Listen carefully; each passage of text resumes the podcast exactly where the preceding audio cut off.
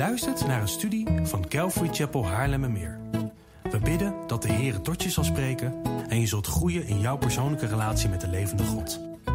Bezoek voor meer informatie onze website calvarychapel.nl. Dat is C-A-L-V-A-R-Y-C-H-A-P-E-L.nl.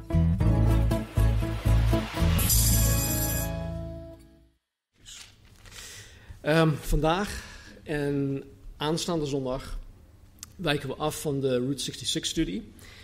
Omdat ik denk dat het nu zinvol is om te gaan ontdekken of de Bijbel überhaupt iets te zeggen heeft over eh, de tijd waarin wij leven.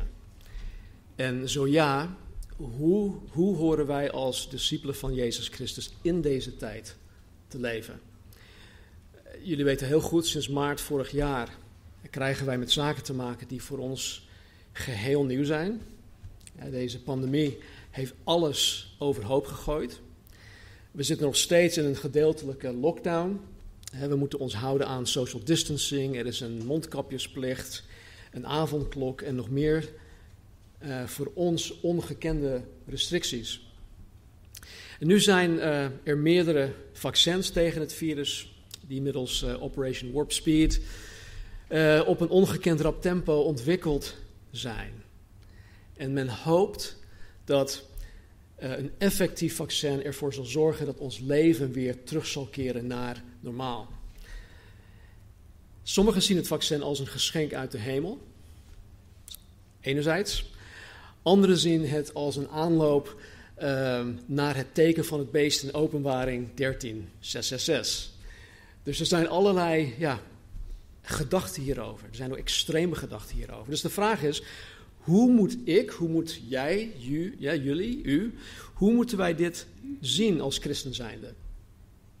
En wat verwacht God dan van mij? Wat verwacht God van jou? Moet ik nu als christen mijn koers gaan wijzigen? Moet ik dat gaan aanpassen? En moet ik me nu ineens op, op andere zaken gaan richten? Moet ik me aanpassen aan de wereld? Nou, ik weet dat dit nogal moeilijk zal zijn om, om hierop een voor, voor iedereen uh, bevredigend antwoord te geven. Want vanuit een filosofisch standpunt lopen de meningen hier, hierover uiteen. Zelfs onder beleidende christenen. Maar hoe dan ook, ik geloof dat God ons wil helpen om door deze turbulente tijd heen bijbels te laveren. Dat is Gods wil, dat is Gods bedoeling. En wij moeten alleen fijngevoelig zijn voor hoe Hij dat persoonlijk met ons wil doen. Het is dus mijn, mijn hoop en ook mijn gebed dat ik met de komende twee studies wat, wat bijbels perspectief aan jullie kan bieden. Um, wat ja, dan tegelijk hoop ik en denk ik deze vragen zullen gaan beantwoorden.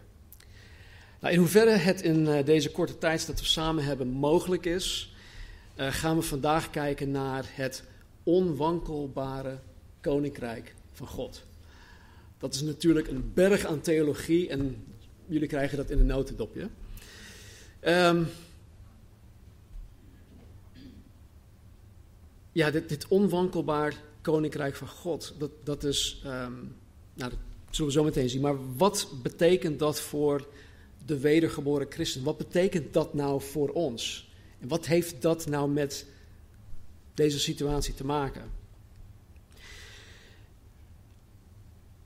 Als je de evangeliën leest, en als je daar ook heel goed op let, uh, dan zien we wat de Bijbelgeleerden ook zien. Want het merendeel van de Bijbelgeleerden zijn het erover eens dat de centrale boodschap van Jezus in de evangeliën bepaald werd door het idee van het koninkrijk van God.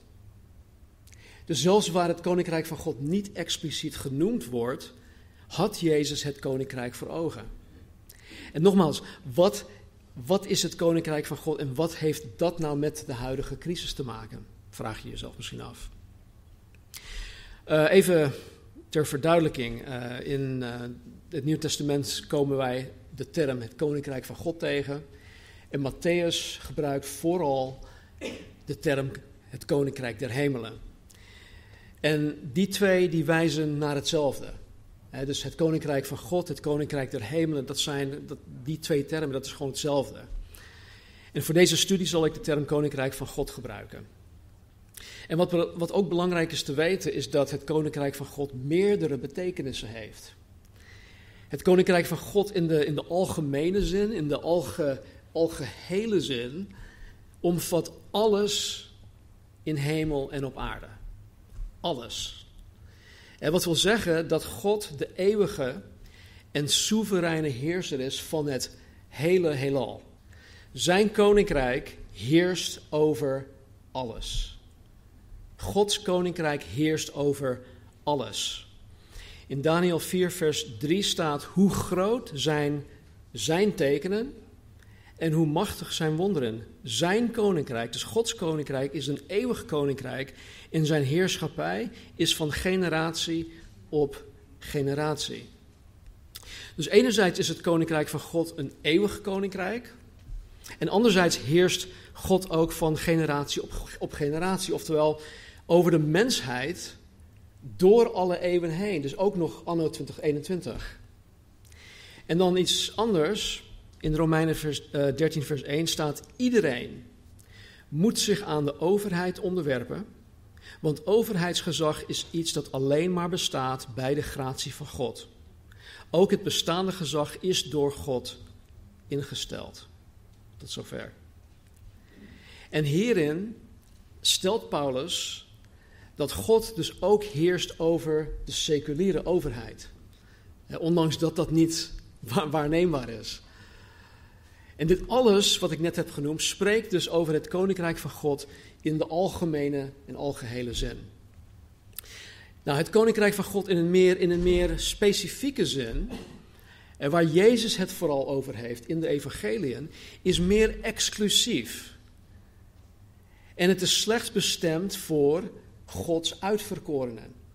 Het is slechts bestemd voor de wedergeboren kinderen van God.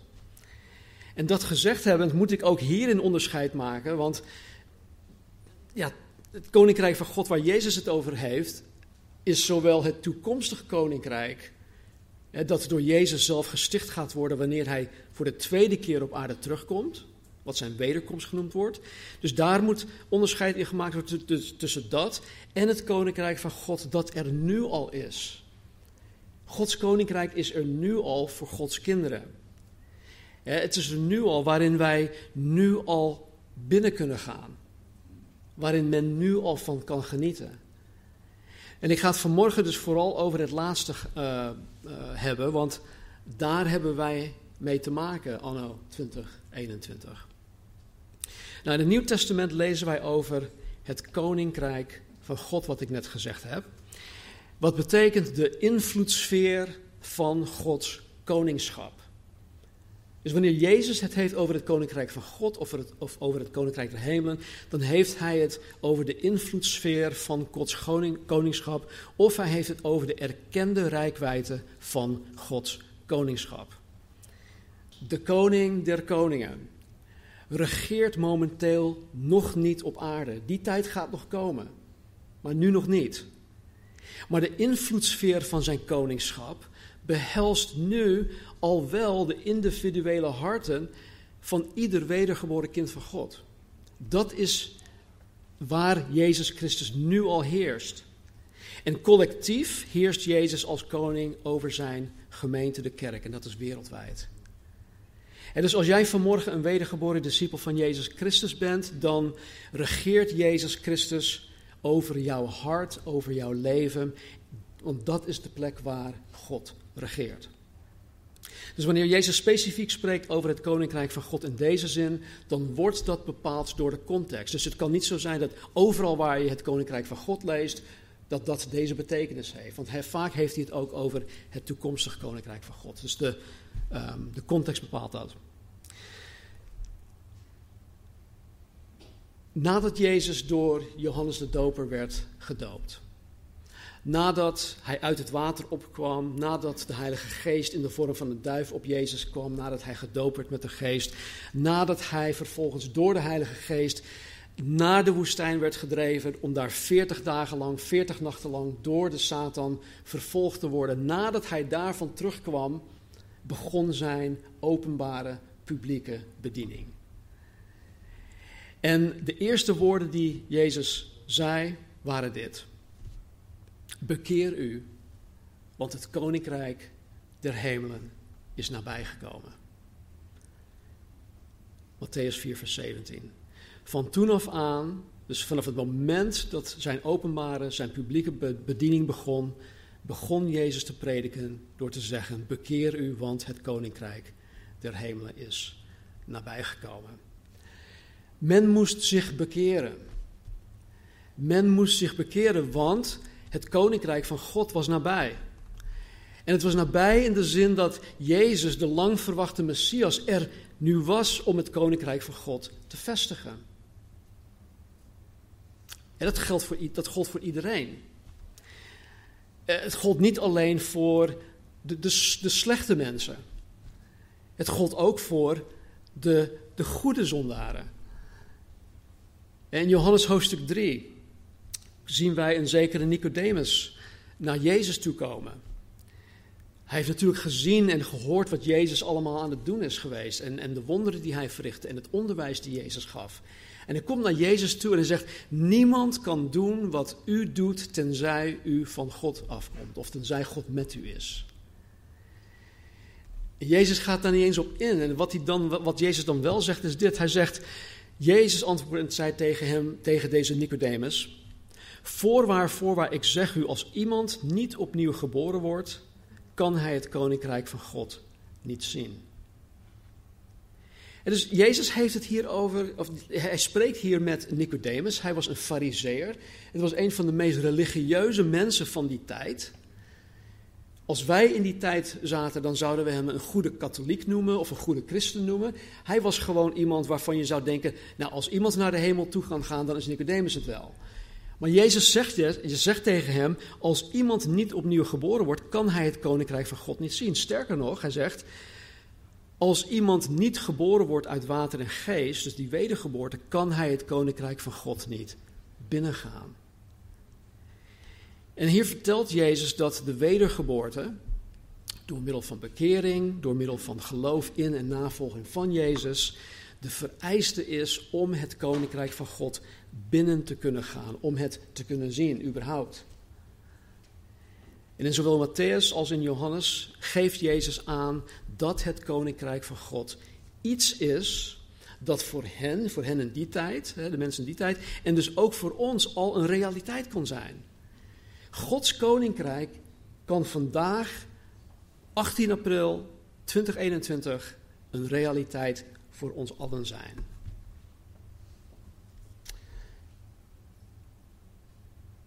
Aan het einde van zijn bediening werd Jezus in Gethsemane gearresteerd. Hij werd voorgeleid aan verschillende mensen. En op een gegeven moment werd hij voorgeleid aan een zekere Pontius Pilatus. Hij was gouverneur van de streek Judea.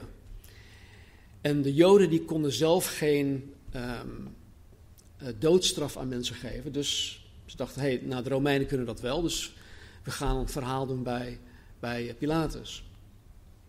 En terwijl Pilatus hem ondervraagt, stelt hij de vraag ook aan, aan, aan Jezus. Want hij had het allemaal gehoord, had geruchten gehoord. Hij vraagt aan Jezus: Bent u de koning van Israël? En dan zegt Jezus: Nou ja, u zegt het zelf. Met andere woorden, ja dus. En dan staat er op een gegeven moment dit. Jezus antwoordde: Mijn koninkrijk is niet van deze wereld.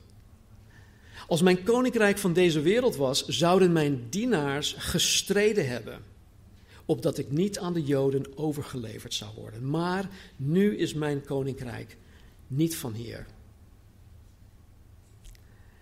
Jezus geeft duidelijk aan dat zijn koninkrijk, oftewel het koninkrijk van God, niet van deze wereld is. En dit is een zeer belangrijk punt. En vooral voor hoe wij christenen het leven hier op aarde horen te zien. Vooral voor hoe wij christenen hier op aarde ons leven horen te leiden. Met of zonder crisis. omdat het koninkrijk van God niet van deze wereld is, is het niet onderhevig aan, ehm, aan menselijke regering. Het is niet afhankelijk van menselijke regering. Haar succes is niet afhankelijk van de economie. En het is zeker niet onderhevig aan wereldcrisissen. In de eerste vier eeuwen na de geboorte van de kerk in Handelingen 2. Hey, sorry, ja. Werden christenen vervolgd tot aan hun dood. Ze werden gedood. In Handelingen 4 werden Petrus en Johannes in de gevangenis gezet voor het verkondigen van het evangelie. Even later in Handelingen 6 en 7 werd Stefanus gevangen genomen en hij werd uiteindelijk gedood door steniging. En later zien wij dat Saulus, die Paulus werd, erbij was en dat hij de jassen vasthield van degene die de stenen gooide. In Handelingen 8 lezen wij dat deze Saulus, die Paulus werd, instemde met het doden van Stefanus.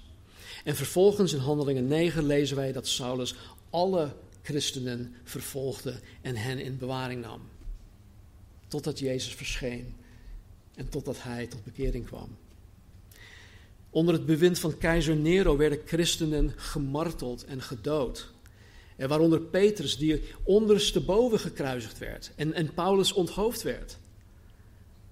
Nou, ik noem dit allemaal om aan te geven dat christenen en de kerk van Jezus Christus in de, in de eerste vier eeuwen het zwaar te, uh, te verduren hadden. Na de eerste vier eeuwen was die vervolging sporadisch, maar de eerste vier eeuwen was het gewoon niet makkelijk. En dan niet eens in een, in een ver land, maar gewoon waar zij woonden. En waar zij leefden. Het was toen echt zwaar om christen te zijn. En toch, ondanks de vijandige regering en wereld waaronder en waarin zij leefden, is het evangelie 1700 jaar later tot ons gekomen.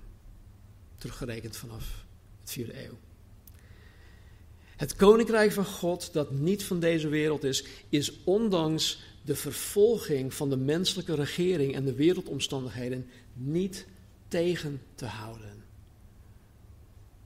Dat is zo belangrijk om te weten, om dat echt altijd op je netvlies te hebben. En dit is niet alleen door de kerkgeschiedenis heen te zien, maar vooral ook in de Bijbel. Helemaal van Genesis tot aan Openbaring zien we dat God niet tegen te houden is. Gods koninkrijk is niet te stoppen. En omdat het niet te stoppen is, zal het opbouwen en het verder uitbreiden van de kerk van Jezus Christus nooit, maar dan ook nooit belemmerd worden. Nooit. En begrijp het heel goed. Het succes in het bouwen van de kerk van Jezus Christus is geheel onafhankelijk van de staat van de wereld. Het is geheel onafhankelijk van onze vrijheid. Het is geheel onafhankelijk van onze beperkingen in onze vrijheid.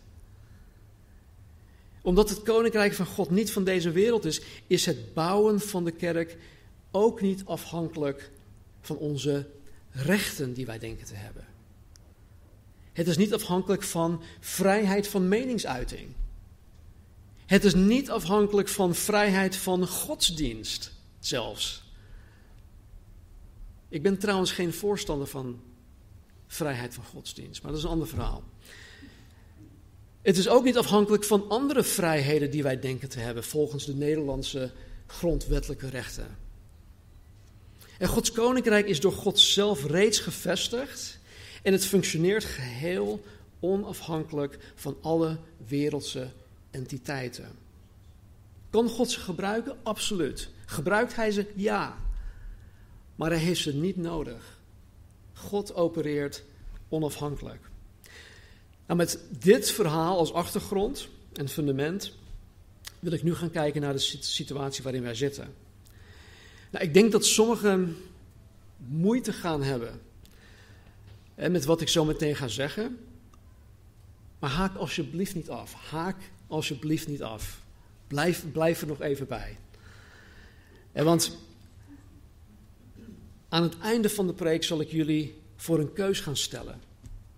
Wat bepalend zal zijn of je er moeite mee zal blijven hebben of niet. En de keuze is geheel aan jou. Je bent vrij om daar te kiezen.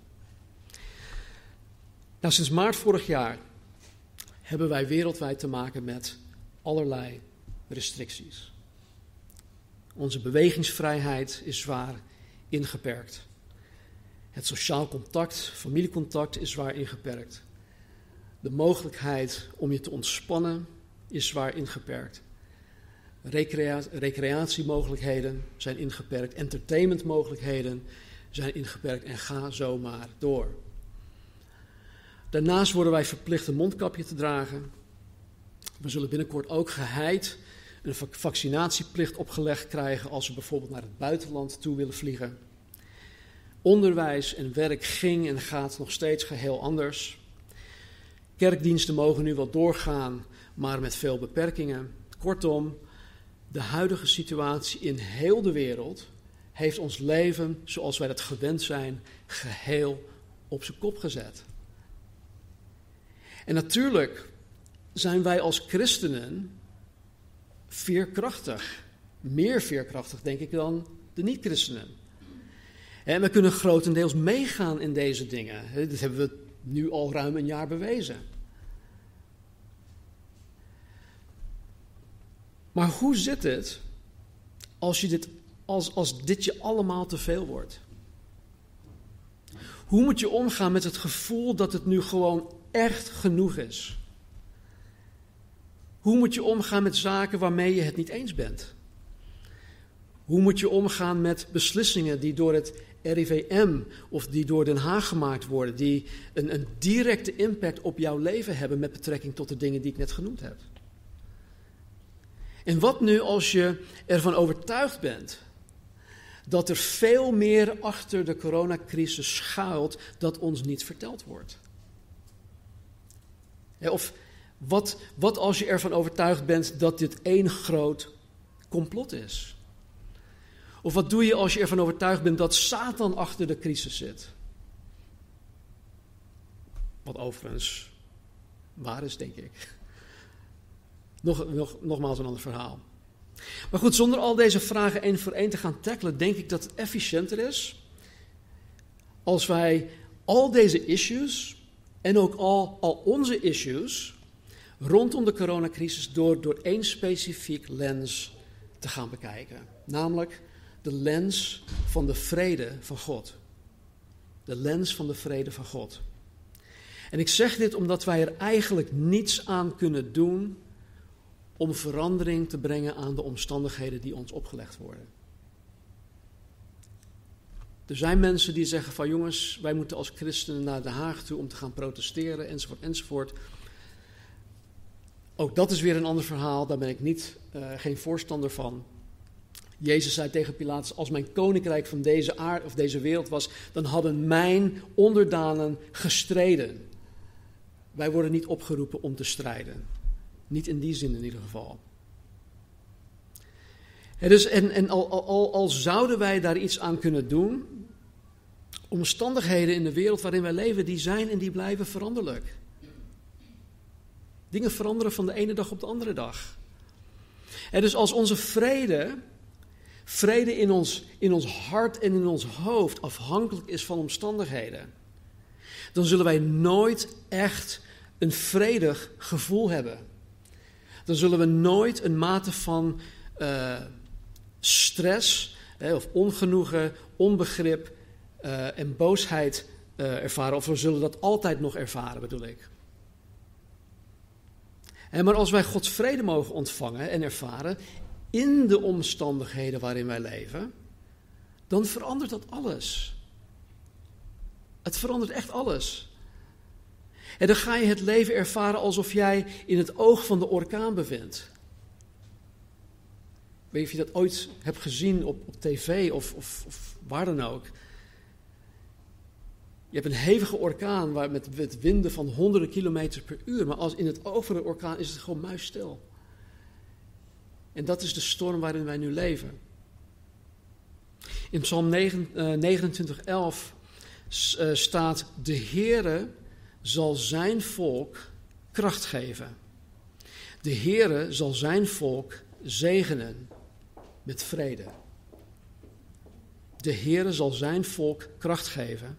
De Heere zal zijn volk zegenen met vrede. Dit is een keiharde belofte.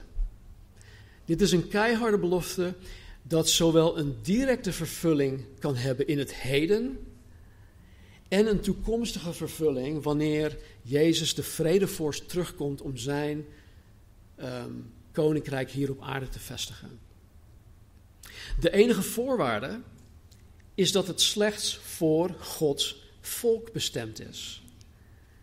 En wat nu voor ons in deze tijdsbedeling doelt op de wedergeboren christenen. Wij zijn Gods volk, wij die wedergeboren zijn. Jesaja zegt ook iets moois. In Jesaja 26, uh, 3 tot 4. Aan wie standvastig is, geeft u, Heer, vrede, ware vrede. Want op u stelt hij zijn hoop. Stel toch uw hoop op hem altijd. Hij is voor ons een rots. Hij wankelt nooit. En dit is een prachtige um, ja, proclamatie hè, van het feit dat wanneer het standvastig kind van God zijn hoop op God stelt, God hem of haar vrede geeft, ware vrede. Paulus noemt het in, in, uh, in, uh, in Filippenzen vrede die alle kennis, die alle verstand te boven gaat. Met andere woorden, je hebt geen idee hoe het mogelijk is dat je op dat moment vrede in je hart en in je hoofd kan hebben. In Romeinen hoofdstuk 14, vers 17 en 18 en 19, sorry, staat iets, iets bijzonders over vrede. Even in een andere context, maar dat leg ik zo meteen uit. Paulus zegt: Het koninkrijk van God bestaat niet uit eten en drinken, maar uit gerechtigheid en vrede en blijdschap in de Heilige Geest. Want wie Christus in deze dingen dient, is welbehagelijk voor God en in achting bij de mensen. Laten wij dus najagen wat de vrede en de onderlinge opbouw bevordert. De apostel Paulus schrijft dit om de kerk in Rome aan te moedigen om de onderlinge vrede in de kerk te bewaren. En want sommige, het is misschien een, een moeilijk verhaal, maar sommigen lieten hun broers en zussen in hun geloof struikelen. En ze deden dat door vlees te eten dat afkomstig was van rituelen en offerdiensten aan afgoden. Ja, dat vlees dat tijdens uh, zo'n offerdienst overbleef, werd verkocht aan de plaatselijke slagerijen in de dorpen. En omdat sommigen in de kerk nog steeds bijgelovig waren, konden zij niet begrijpen dat een goede christen dat vlees zou kunnen eten. Ze hadden zoiets van, hoe haal je het in je hoofd om vlees van die slager in huis te halen, om dat vlees te eten? Weet je niet dat dat geofferd werd aan die afgoden? Nou, Paulus legt later uit, het maakt allemaal niet uit, vlees is vlees is vlees. God heeft het allemaal geheiligd, dus maak je daar niet druk om. Maar om de vrede te bewaren schrijft hij Dus wat Paulus in Romeinen 14 dus eigenlijk duidelijk maakt, is dat uh, het niet uitmaakt waar het vandaan komt. En, en hij de meer volwassen christenen oproept om hun zwakkere of minder volwassen broers en zussen niet te laten struikelen. Oftewel om de vrede en de onderlinge opbouw na te jagen. Nou, wat Paulus hier schrijft, gaat niet slechts over de vrede die God ons geeft. Maar omdat God ons vrede geeft, dienen wij ook de onderlinge vrede na te jagen. Dus in onze context nu, 18 april, waar wij het bijvoorbeeld niet eens zijn met elkaar over zaken, uh, over wij wel of niet samenkomen, wel of geen mondkapje, noem maar op, hè, tijdens de samenkomsten beveelt de schrift ons om ook de onderlinge vrede na te jagen. door niet in discussie te gaan, door niet op social media uh, ja, nare dingen tegen elkaar te zeggen. Nou, dit alles gezegd hebbend, het enige dat ik hieruit wil halen, is een heel verhaal geworden, is dat het koninkrijk van God uit gerechtigheid, vrede en blijdschap in de Heilige Geest bestaat. Vrede met God en vrede van God is dus een werkelijkheid in het koninkrijk van God. Dus als jij een wedergeboren kind van God bent, dan behoor je tot Gods koninkrijk en dus kom je in aanmerking om de vrede van God te ontvangen en die te ervaren. Elke dag opnieuw. Dus om even terug te grijpen op wat ik tot nu toe gezegd heb. Het koninkrijk van God is reeds door God gevestigd en functioneert onafhankelijk van wat zich in de wereld afspeelt en wie er aan de macht is. Dat is voor mij heel erg geruststellend. Als jij een wedergeboren kind van God bent, dan behoor jij tot het koninkrijk van God. En drie, als jij deel uitmaakt van het koninkrijk van God, dan belooft God jou vrede te geven. Ware vrede in je hart en in je hoofd, te midden van omstandigheden waar jij totaal geen controle over hebt. En de hamvraag is dus: wil je liever stressen over zaken waar je totaal geen invloed, invloed op hebt? Of wil je vrede hebben? Ware vrede, diepe vrede in je hart. En misschien is dit, lijkt het heel erg simplistisch, maar de keuze is toch echt aan jou.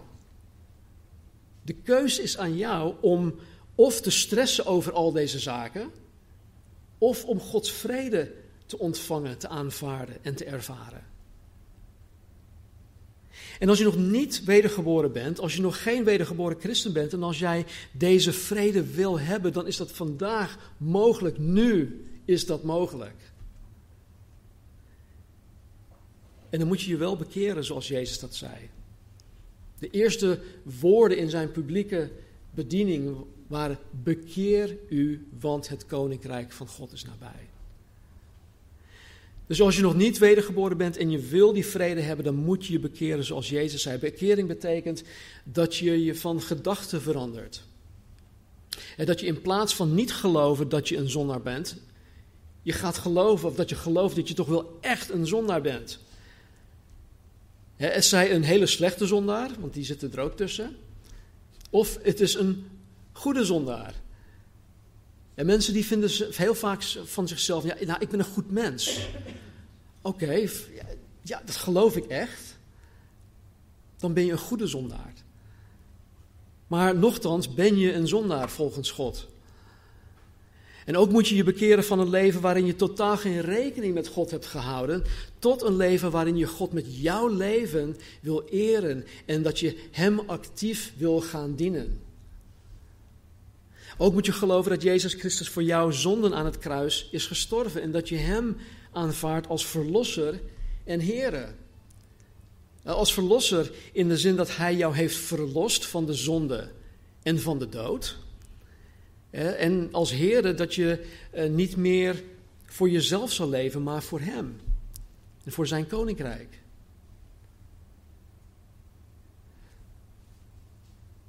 Dus dat is voor jou als jij Christus nog niet navolgt. En voor jou, christen, waar maak je je druk om? Waar maak jij je druk om? Wat weegt er zo zwaar bij jou in deze tijd? Welke dingen beroven jou van de vrede van God? De vrede die Hij jou wil geven, de, de vrede die er voor het oprapen ligt. Ben jij de coronacrisis helemaal zat? Ben je alle restricties en regels zat omdat je zo beperkt wordt in je leven? Ben je het niet eens met de beslissingen die genomen worden door de overheid of misschien zelfs door de kerkleiding? Ben je iemand die zich bezighoudt met complottheorieën? Weet je, als dat jouw focus is en als jij daarmee opstaat en daarmee naar bed gaat, dan moet ook jij je bekeren. Want God wil dit niet voor jou. Vooral niet omdat je een koningskind bent. Je behoort tot het koninkrijk van God. Je bent Gods kind. Kijk, bekering is iets dat in eerste instantie hoort bij het christen worden. En wanneer ik vertel over wanneer ik tot geloof ben gekomen, dan zeg ik vaak, nou, toen ik tot bekering kwam. Dat gebeurt nou eenmaal. Wanneer ik christen werd, moest ik me van allerlei dingen bekeren. Heb ik ook gedaan. En gaandeweg blijf je bekeren van dingen. En maar dat, dat spreekt dus van een eenmalige handeling bij mijn wedergeboorte om christen te worden. Maar bekering is ook iets dat hoort bij het christen zijn. Bekering hoort bij het christen zijn. God roept ons telkens op om van al deze dingen te bekeren. En weet je, ik, ik snap het. Ik heb er ook dagelijks mee te maken. Ik weet het echt. Er is van alles mis met deze zieke wereld waarin wij leven. En er, er valt echt geen gerechtigheid te halen in deze wereld. Overal zien wij tekenen van corruptie. Op, in alle lagen van de, de maatschappij. Ook in Den Haag.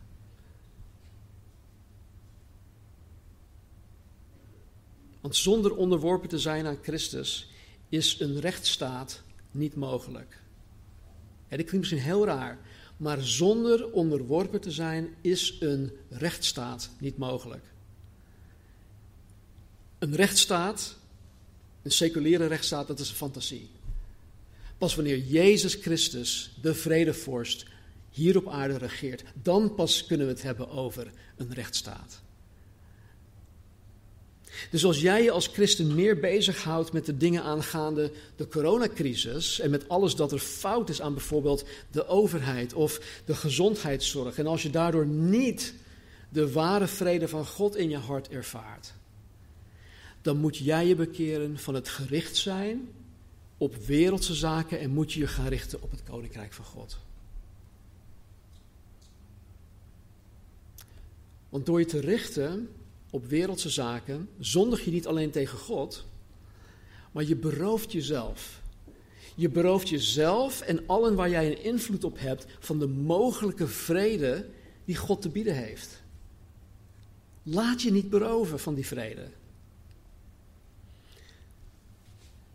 Tot slot, hoe horen wij als wedergeboren christenen te leven in coronatijd?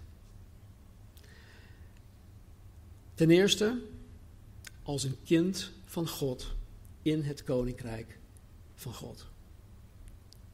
Hoe horen wij te leven als wedergeboren christenen in coronatijd? Als een kind van God in het koninkrijk van God. Jezus die gaf in Johannes hoofdstuk 13 tot en met 16 zijn afscheidsspeech. Hij was samen met zijn discipelen vertelde hen heel veel over wat, wat komen zou, over de Heilige Geest en over allerlei dingen die zij moesten weten. En ze raakte daardoor verontrust, want hij begon ineens te vertellen: joh, ik, ik, ga, ik moet weg, ik moet weg, ik moet terug naar de Vader toe. Maar ik zal jullie niet als wezen achterlaten. Ik stuur de Heilige Geest naar jullie toe. Een andere trooster. Precies dezelfde als ik, maar in de vorm van de Heilige Geest.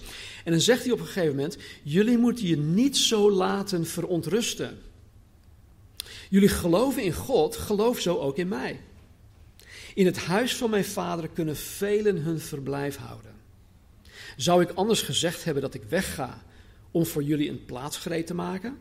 Ja, ik moet weggaan, zegt Jezus, en voor jullie een plaats gereed maken. Maar ik kom terug en dan neem ik jullie bij me op, zodat daar, zodat daar waar ik ben ook jullie zullen zijn.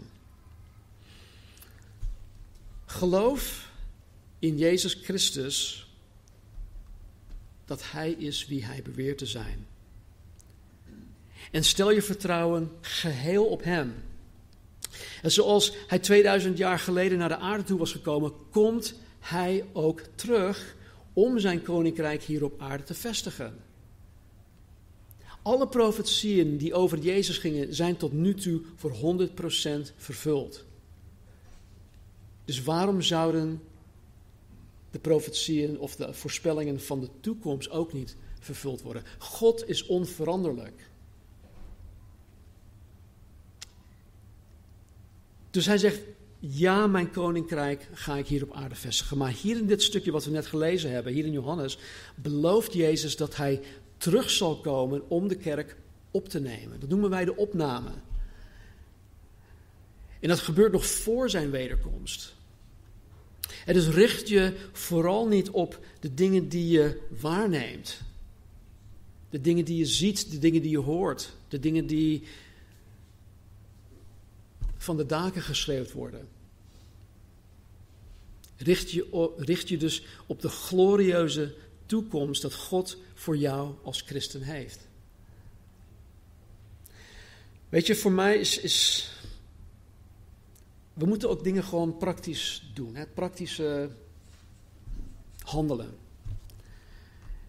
En misschien sta ik nu op het thema, maar zet die tv bijvoorbeeld uit. Zet hem gewoon uit.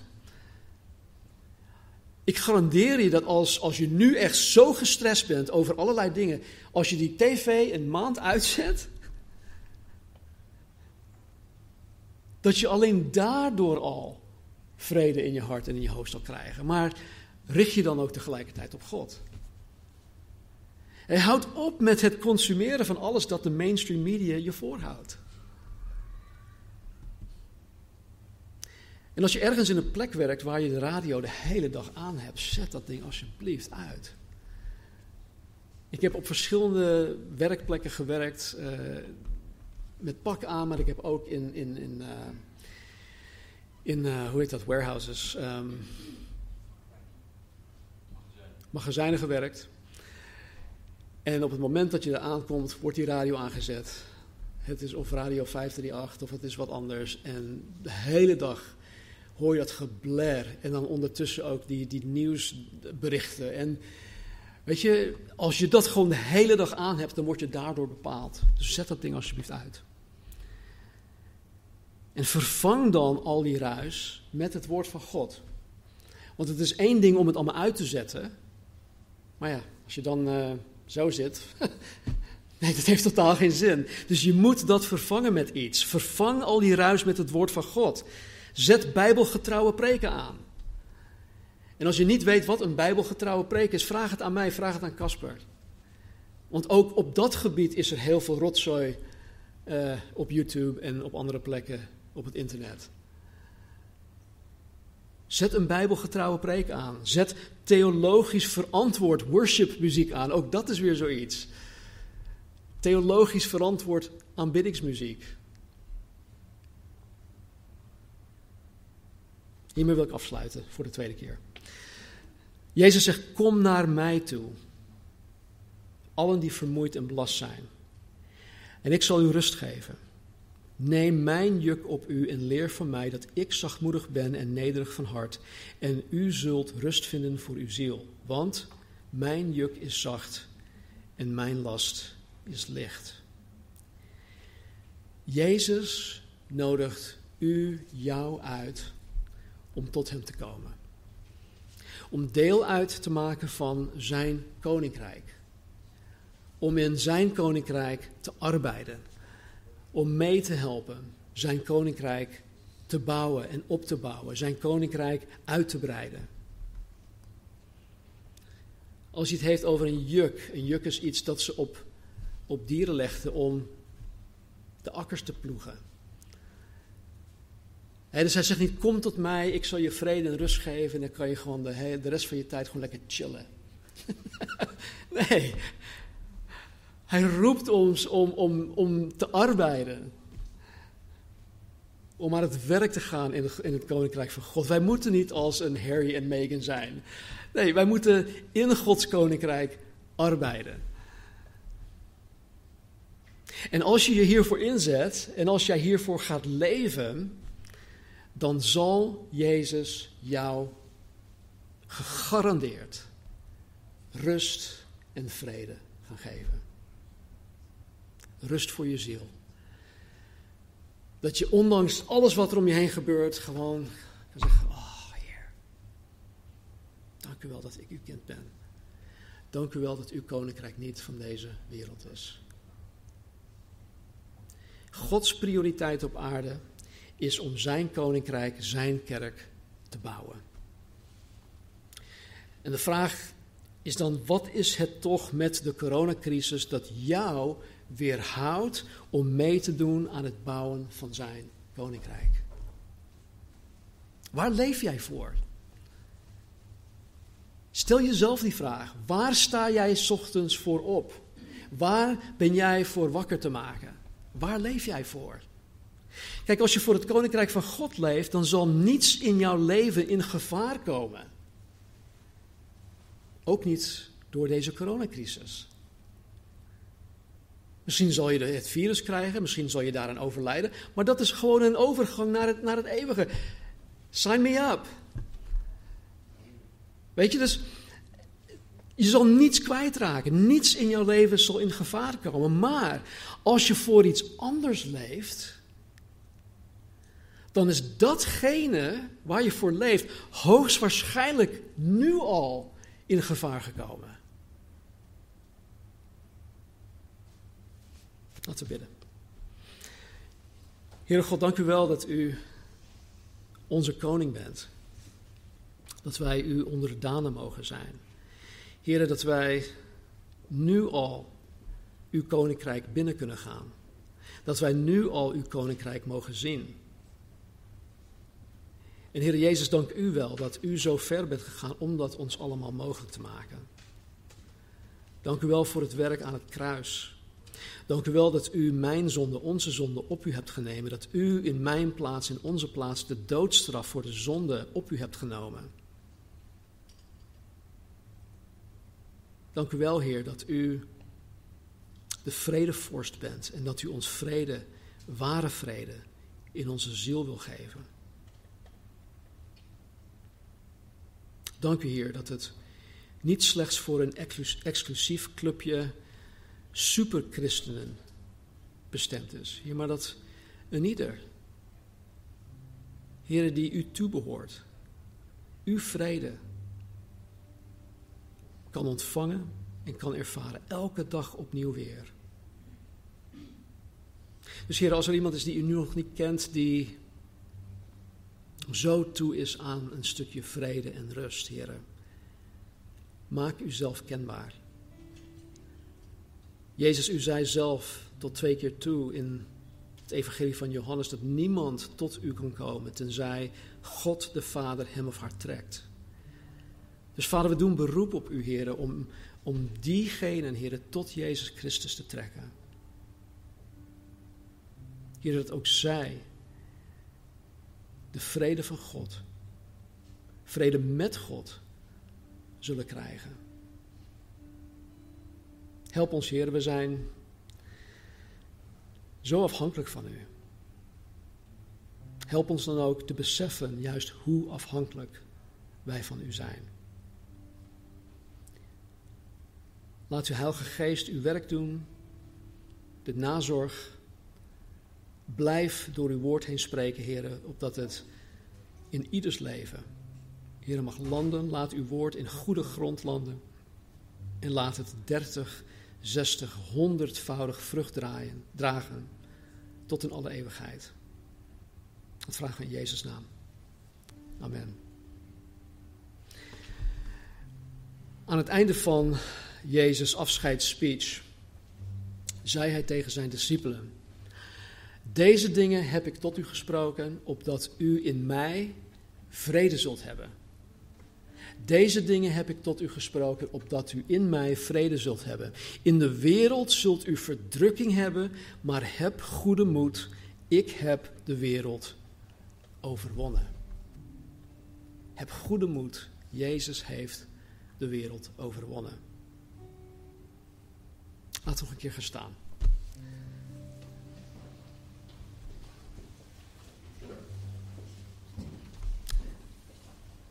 De Heere zegene jullie, behoede jullie. De Heere doe zijn aangezicht over jullie lichten en zij jullie genadig. De Heere verheffen zijn aangezicht over jullie en geven jullie vrede. Amen.